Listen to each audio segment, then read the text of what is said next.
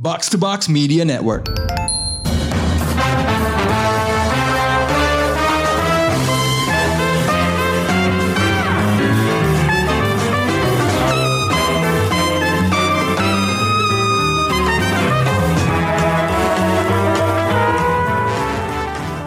Pendengar Showbox, di akhir Agustus kemarin sebuah film besar muncul dan langsung jadi film film blockbuster pertama yang kita review di Anglo Review Showbox kali ini.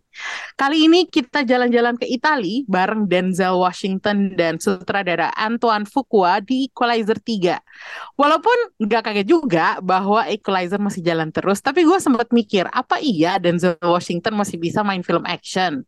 Karena Ya meskipun belum selansia Harrison Ford pas mainin Indiana Jones kemarin, tapi tetap aja dia bukan anak muda lagi loh. Tapi ternyata setelah nonton filmnya, gue nggak kecewa sama penampilan Denzel. Gimana pun juga dia tetap aktor kelas atas yang bisa mainin drama, nggak cuma action doang. Dan di Equalizer 3 ini kayaknya kadar dramanya lumayan banyak dibandingin film-film sebelumnya. Dalam perjalanan hidup Robert McCall kali ini, si Denzel harus memulai film dengan sedikit lemah. Dia terluka setelah menggerebek Yard di Sicily dan terus dia ditemuin sama seorang polisi yang membawa dia ke sebuah kota kecil tepi pantai bernama Altamonte untuk diselamatin. Dan di situ Robert McCall menjalani masa penyembuhan yang cukup damai sampai tiba-tiba kota kecil Almonte itu digangguin sama Camorra, organisasi mafia yang berkuasa di selatan Italia.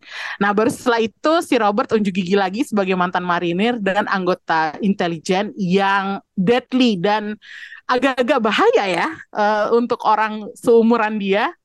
Jadi kita langsung aja mulai bahas filmnya bareng Krisna dan Rengga. Uh, ini begitu filmnya mulai kita langsung dibawa ke setting baru nih guys. Filmnya langsung berubah. Apakah menurut lo setting baru di Italia ini bikin cerita Equalizer 3 jadi lebih fresh? Bukan cuman setting baru, nama baru juga. Jadi Roberto. Roberto bener udah bukan Robert lagi ya Roberto namanya percaya Italianisasi Roberto gitu aku jadi orang Italia sih nggak percaya namanya Roberto tapi ini keluar Amerika itu nggak biasa loh. Kayak menurut gue biasanya setting equalizer tahu gue tetap di Amerika Amerika aja ya nggak sih? Iya jadi ya bener sih. Menurut gue mungkin karena udah film ketiga ya maksud dan film ah, udah agak lama kan ya yang kedua ya. Jadi kayaknya emang butuh sesuatu yang fresh kan. Uh, ya menurut gue sih ngebawa si McCall ini si Roberto McCall ini ke Italia lumayan berhasil sih. Apalagi dia kan jadinya menemukan dunia yang baru uh, lingkungan yang baru gitu terus kita buat kita sebagai penonton juga secara visual ngelihat tone yang beda banget lah kan yang tadinya uh, lumayan Bronx gitu kan di Boston gitu ya uh, lumayan kumuh gitu kan betul uh, sekarang jadi pemandangannya cantik, kotanya cantik, pinggir pantai, di tebing gitu. Jadi ya lumayan sih kalau buat penonton dan cerita. Oke okay lah sih menurut gue, dibutuhkan juga sih. Oh oke, okay. karena gue merasa agak ini ya oke okay, uh, udah banyak film yang syuting di Italia bagian selatan gitu. Um, hmm. Tapi yang ditampilin di sini kotanya kebetulan lumayan menarik. Karena uh, kayak di apa ya dibangunnya di di di pinggiran gunung gitu loh. Tebing jadi ya dimasuk ke tebingnya gitu bukan bukan kota yang terpisah. Jadi secara geografis kotanya juga lumayan apa ya uh, unik. Jadi kayak merasa gue merasa wah ini dunia baru dan lo nggak bakal temuin ini. Gue lo nggak bakal temuin lanskap seperti ini di Amerika. Ya nggak sih? Nah kayak digambarin si Robertnya jadi nemu ketenangan apa segala macam jadi masuk akal sih. Karena dia kan kayak emang buat kepala dia juga fresh kali ya. Hmm. Tapi menurut lo apakah perubahan ini something yang cocok buat cerita atau gimana Chris? Karena uh, oke okay lah, gue gue pengen ngebahas itu tadi. Kayak di sini di diliatin karakternya si Roberto ini itu kayaknya udah agak jauh dari karakternya di film pertama dan film kedua ya. Iya udah lebih apa ya tenang kali ya. Nah itu dia. Kayaknya ya ya gimana ya maksudnya kalau kalau buat ceritanya juga eh, kalau masih kayak ke satu kedua secara setting kayaknya bakal berbahaya juga ya maksudnya jadi ngebosenin jadi pengulangan gitu kan hmm. Jadi ya dibikin ceritanya gini ya masih masuk akal sih menurut gua. Walaupun jadinya ini ya bukan bukan white savior tapi American savior. Iya, American Savior banget sih. Uh, not a white savior, bener kata lo. Tapi tetap aja American Savior. Uh, seperti biasa di cerita-cerita ini ya. Mm-mm. Tapi ya oke lah ya. Maksudnya Mm. emang butuh pengembangan karakter yang seperti itu gitu. Iya. Kalau menurut lo Reng gimana? Hmm, terutama tentang unsur cerita mafia gangguin warga desa gitu. Itu kayak The Magnificent Seven gak sih? Atau Fuqua juga ya. iya, Fuqua gitu-gitu aja sih ceritanya. Iya, ya Fuqua sih emang tidak bisa dipisahkan dari cerita-cerita gangster sih ya. Hmm. Gua gua rasa dipindahin ke Italia juga karena karena itu sih, karena nyari siapa ya gitu. Kalau nggak ke Italia, ke Meksiko kali gua rasa. Cuman jadinya rasanya tetap kumuh gitu kan. Iya, Tonnya gitu. lah kita kita cari yang segar-segar ke Italia gitu. Hmm. mungkin Iya. Italinya pemerintah daerah Italinya juga bisa diajak kerjasama buat pariwisata gitu kan. Iya, iya itu, itu jualan banget menurut gua kan. Itu daerah itu kayak belum pernah terekspos di film-film Hollywood kan. Oh, oke. Gue rasa itu masuk akal sih kata Krista. Betul, betul, betul, betul. Tapi kalau dari segi cerita sih menurut gue justru film ini deket banget ke apa ya? Film yang pertama sih, yang dia pengen bantuin orang kan sebenarnya. Oh, Nggak- lebih dekat ke yang personal pertama ya? daripada yang kedua ya? Betul, iya. Yang film kedua itu kan personal banget Ah, kan ah, ceritanya. Betul, betul. Temannya dibunuh Mm. kan. Iya. Mm-mm. Kalau yang pertama kan emang dia pure pengen bantuin orang gitu. Terus yang film ketiga ini kayak, ya ini gue udah enak di sini tiba-tiba kok teman-teman gue digangguin ya gitu. Akhirnya kayak, ya udah gue Hmm. bunuh satu deh gitu loh. Dan ternyata alasan dia ke Itali pun sama kan. Dia nolong orang yang Iya, kan dia bantuin orang juga nggak gitu. nggak- kenal banget gitu kan. Iya, Oh, oke. dan itu itu itu mengejutkan loh menurut gua. Motifnya dia kayak dia ngebantai satu satu eh, kartel apa mafia, terus ternyata menemukan sesuatu yang lebih besar gitu kan. Gue kira emang tujuannya itu, ternyata enggak gitu kan. Ternyata yang dia bilang bener ya, emang nggak sengaja ketemu aja. Iya, emang gak sengaja ketemu ternyata Lagi jujur. lewat aja. Iya Tunggu bener. deh. Tunggu deh, gue penasaran pendapat lo tentang film kedua. Karena bagi gue film kedua itu eh apa ya, actionnya keren, tapi gue nggak suka ceritanya.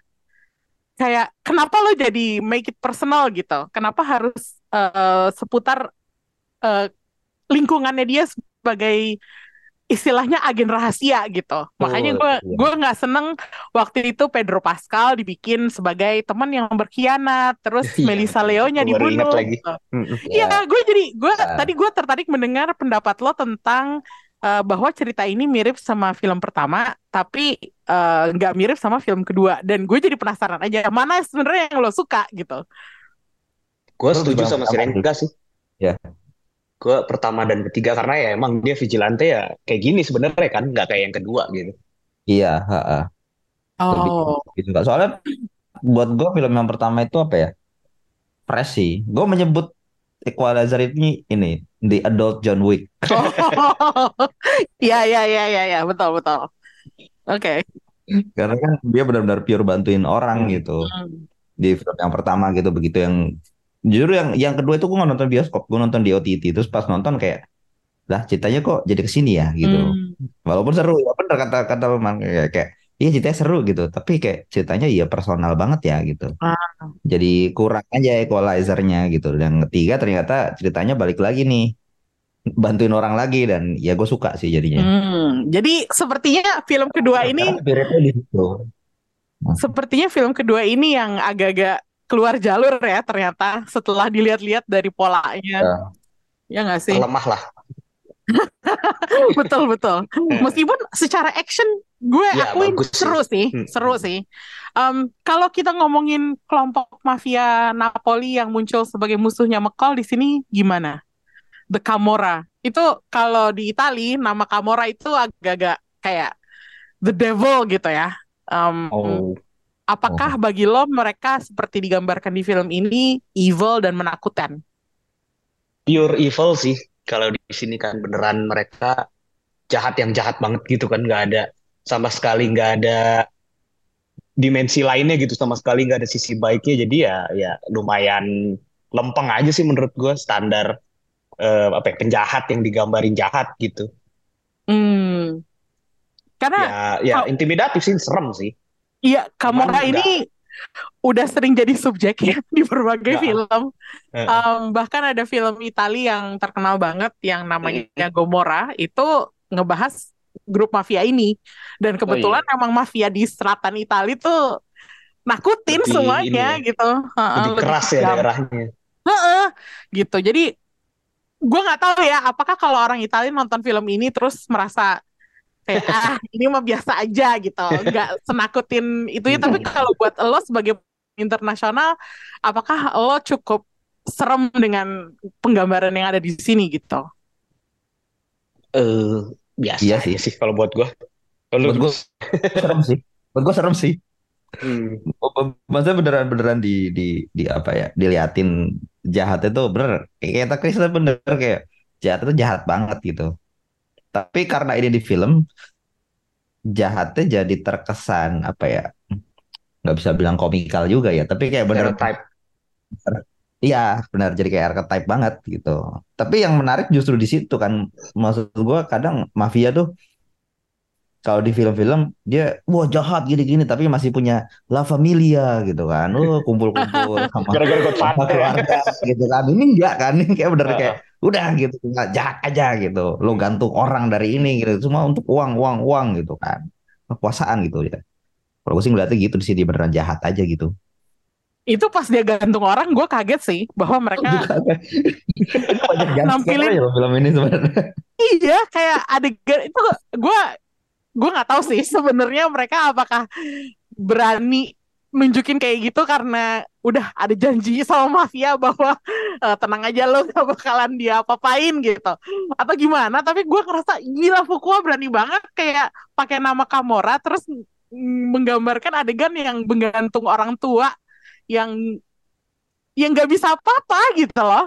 Itu adegan itu kayak sadis banget sih kalau buat gue meskipun nggak berdarah-darah ya. Mm-mm. Iya. kalau kalau ngebakar toko orang itu udah biasa sih kalau itu gue sering itu Bentuk teror ya. Heeh, teror gitu tapi yang menarik nih guys gue baru tahu kalau yang meranin si villain utamanya si Vincent Quaranta itu orang yang sama yang main di Mission Impossible Dead Reckoning waktu di adegan airport ada orang pipinya ditarik-tarikan sama Wiggum. Ternyata doang. itu aktornya yang sama yang main sebagai Vincent Quaranta gitu di film Hmm. ini. Sementara di situ dia terlihat komikal banget di Mission Impossible. Di sini dia kelihatan kayak lumayan sadis gitu.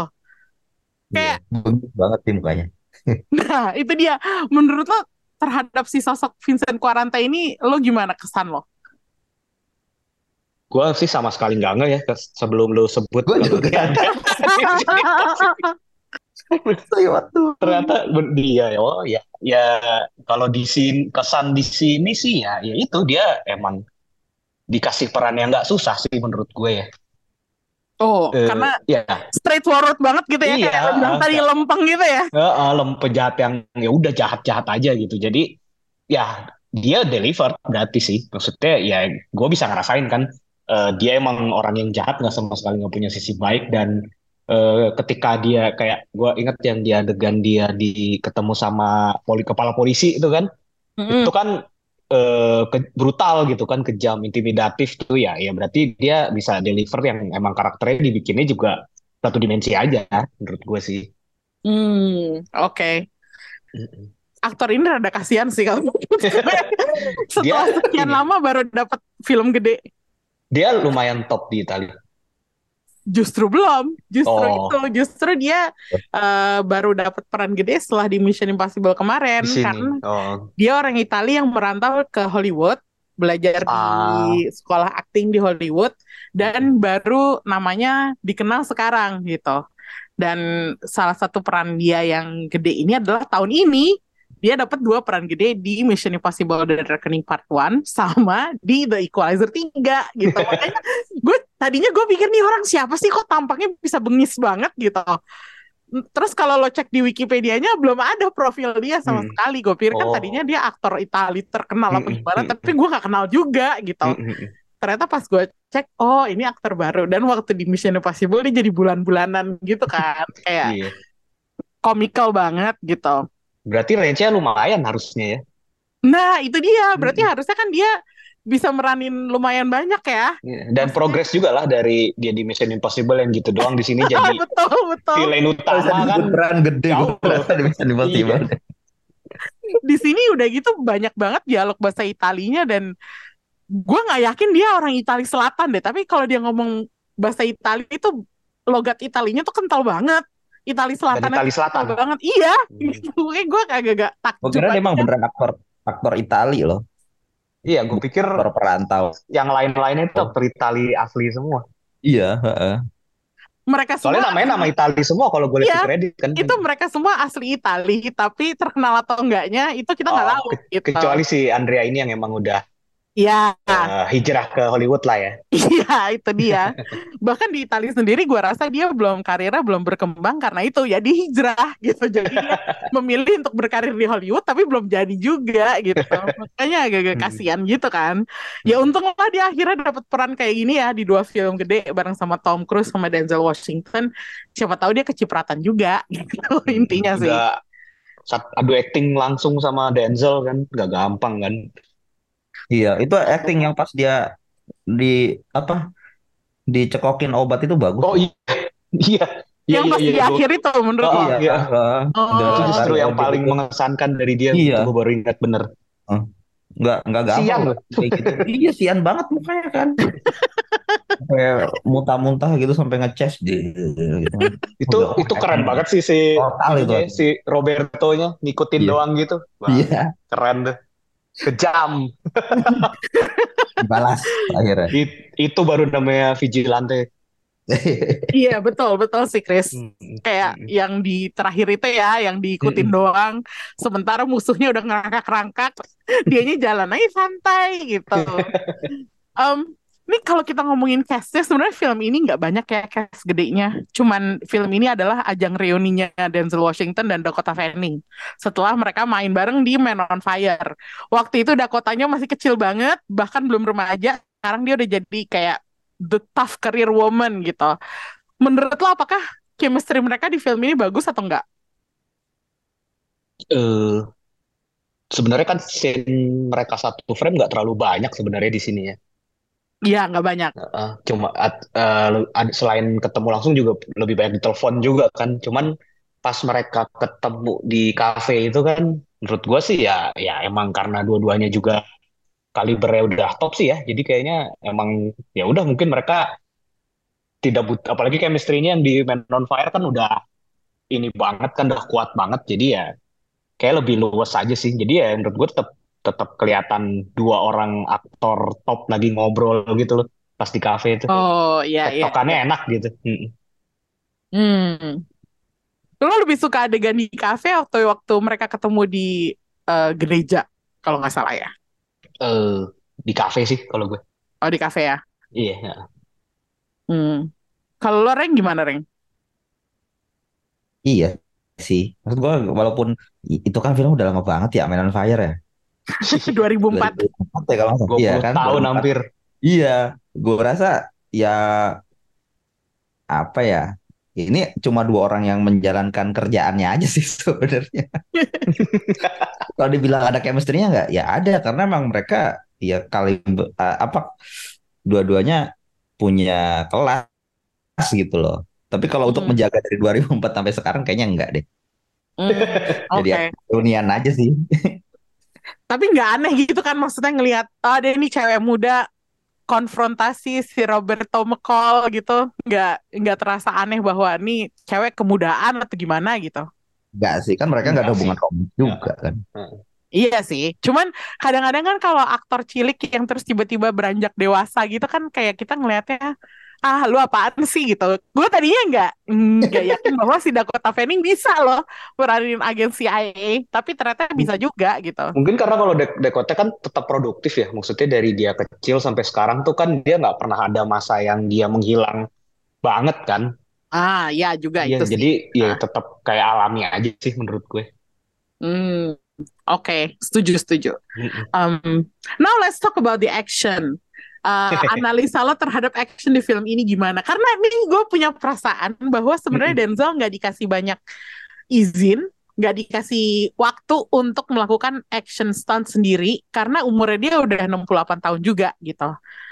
Nah, menurut lo apakah ini ngaruh atau enggak? Atau gimana terhadap action yang lo lihat di layar tuh kesannya gimana? Iya, Satu-satunya action yang Denzel lakukan itu adalah naik tangga. Itu aja udah ngos-ngos. Oh iya ya bener. Dan Nggak, itu ngos-ngosan pas sampai atas. iya, nggak bisa emang nggak bisa disangkal usia ngaruh sih ya. Iya. Makanya adegan yang dia terakhir itu kan yang nyerang si markasnya Kamora itu kan Ah. gelap banget kan. Hmm. Iya benar-benar gelap.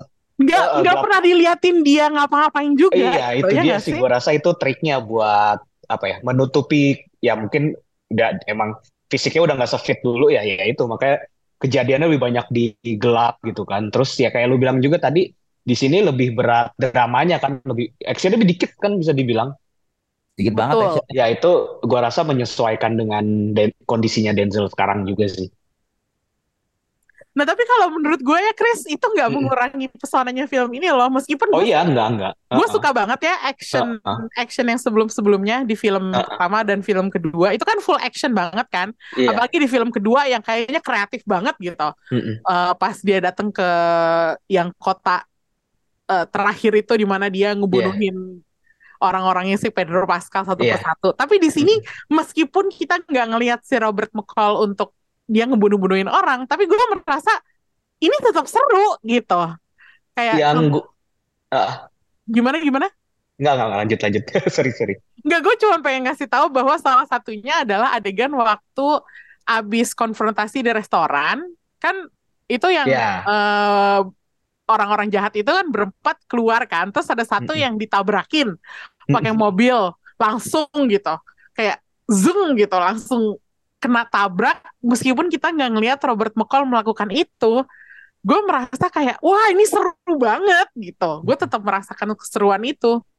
Padahal kita nggak ngelihat si Denzel Washington ngapa-ngapain juga gitu. Makanya gue merasa gue bisa sih mengapresiasi eh sequence action meskipun nggak ngelihat Denzel melakukannya. Gue nggak tahu apakah Iya. lo setuju apa enggak gitu. Setuju itu. Maksud gua tadi gua bilang banyak di adegannya gelap segala macem. Terus kayak eh, ketika dia ngabisin adiknya si eh, Vincent itu kan Heeh. dia apa actionnya cuman kayak melintir-melintir tangan doang kan.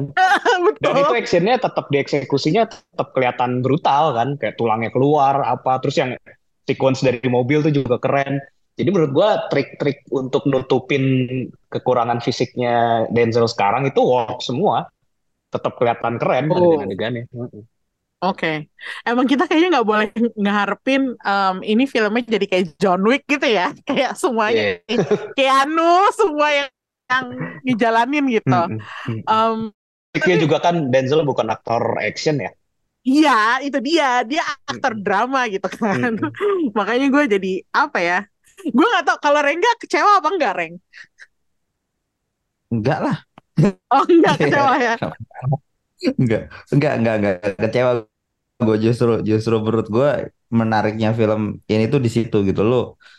Eh, ini tetap film action tapi dengan action yang minim Hmm. karena Ya, betul. apa ya cukup dengan Denzel aja di- ada di situ aja film ini udah seru gitu. Oh, Denzelannya tuh tetap ada di film ini. Karismanya kan udah lah Denzel kan karismanya. Betul. Eh, eh, eh. John David juga Denzel- jauh lah prosesnya. Iya. Denzel Denzel senyum aja udah kayak wow gitu. Hmm. Udah ngebawa film ini sendiri lah. Jadi menurut gua kalau kalau actionnya dibilang actionnya dikit ya emang dikit tapi justru bikin film ini menarik gitu loh. Dramanya dapat gitu, actionnya ada gitu. Dan tetap seru untuk ditonton. Hmm, gua. ya. Kalau itu sih iya sih. Em, beberapa adegan action lebih bikin ngilu daripada waktu gue nonton John Wick yang terakhir. Terutama karena itulah Iya. ya. Jadi maksudnya brutalitasnya tetap ada gitu. Em, gue penasaran deh sama kalian berdua, apakah tahu bahwa Equalizer itu punya acara TV yang baru, diribut acara TV-nya. Um, ributnya tahun 2020 apa 2021 dan yang mainin Robert McCall itu adalah Queen Latifah. Oh. Lo Eh, pernah nonton Gue nggak? sama sekali tidak tahu. Gua Nggak tahu taunya ya? dari gua tahu dari lu. Sama aja. Ya gue kayak "Hah, ada ya gitu. Iya, Iya. jadi Gua- gua- Robert McCall di situ namanya Robin McCall. Oh, karena Um, jadi perempuan ya. Iya, tapi ceritanya sama sih, kecuali Mm-mm. cuman itunya aja gendernya jadi tukar yang sa- Mm-mm. yang tadinya laki-laki sekarang jadi perempuan. Waktu gua ngikutin serial The Equalizer itu, um, gua Mm-mm. agak shock karena gue pikir wow mereka berani gender bending karakter Robert McCall dan yang Mm-mm. mainin adalah Queen Latifah. Yang mana kok Queen Latifah gitu karena dia kan aktris agak-agak komedi ya gitu. Iya, Tapi dulu ternyata identiknya komedi kan. Iya gitu, tapi ternyata seru banget. Jadi gue lumayan suka sama serialnya meskipun cuma nonton dua season aja. Untuk ukuran TV nggak kalah seru sih dari filmnya, meskipun nggak seintens film-filmnya Antoine Fuqua ya, tapi seru dalam arti nontonnya nggak pakai mikir gitu. Mm-mm. Nah terus karena ada Robert tuh yang jadi Robin, eh, problematika dia tuh lebih banyak problematika ibu rumah tangga gitu, dengan anak remaja yang rada-rada sotoy. Jadi Oh, dia punya anak kalau di situ. Punya anak. Itu dia Oh, makanya. Um, itu makanya agak beda di situ feelnya. Um, dan gue suka bahwa di sini karena dia nggak cuman soldier yang dingin dan jago berantem kayak di versi filmnya jadi atmosfernya itu juga beda ada rasa apa ya kekeluargaannya gitu. Kalau gue pengen Oh, ya ini Mm-mm. digabungin. Jadi Robinnya Queen Latifah itu mungkin jadi anaknya apa keponakannya Robert McCall-nya Denzel Washington gue sih itu menarik gitu ya. sih. Itu Gue keren pengen sih gitu, kalau gue pengen di film banget. keempat. heeh. Gitu, jadi kayak gue pengen ngeliat team up mereka di layar lebar pasti seru banget gitu. Mm-mm. Dan kalau beneran ada, gue pasti jadi pertama nonton. gitu. Jadi gue pengen, eh, jadi ini tadi yang gue bahas ini adalah bridging ke topik berikutnya yaitu ini kan Equalizer 3 udah disebut sebagai film terakhir nih di seri film Equalizer. Mm-mm. Of course mereka they will never say never. Jadi kalau ada kesempatan pasti dilanjutin. Nih sama seperti waktu kita ngebayangin kelanjutannya Indiana Jones. Iya, betul. Apa yang lo bayangin buat Equalizer berikutnya? Dengan mengingat Denzel Washington yang usianya udah lanjut gitu ya.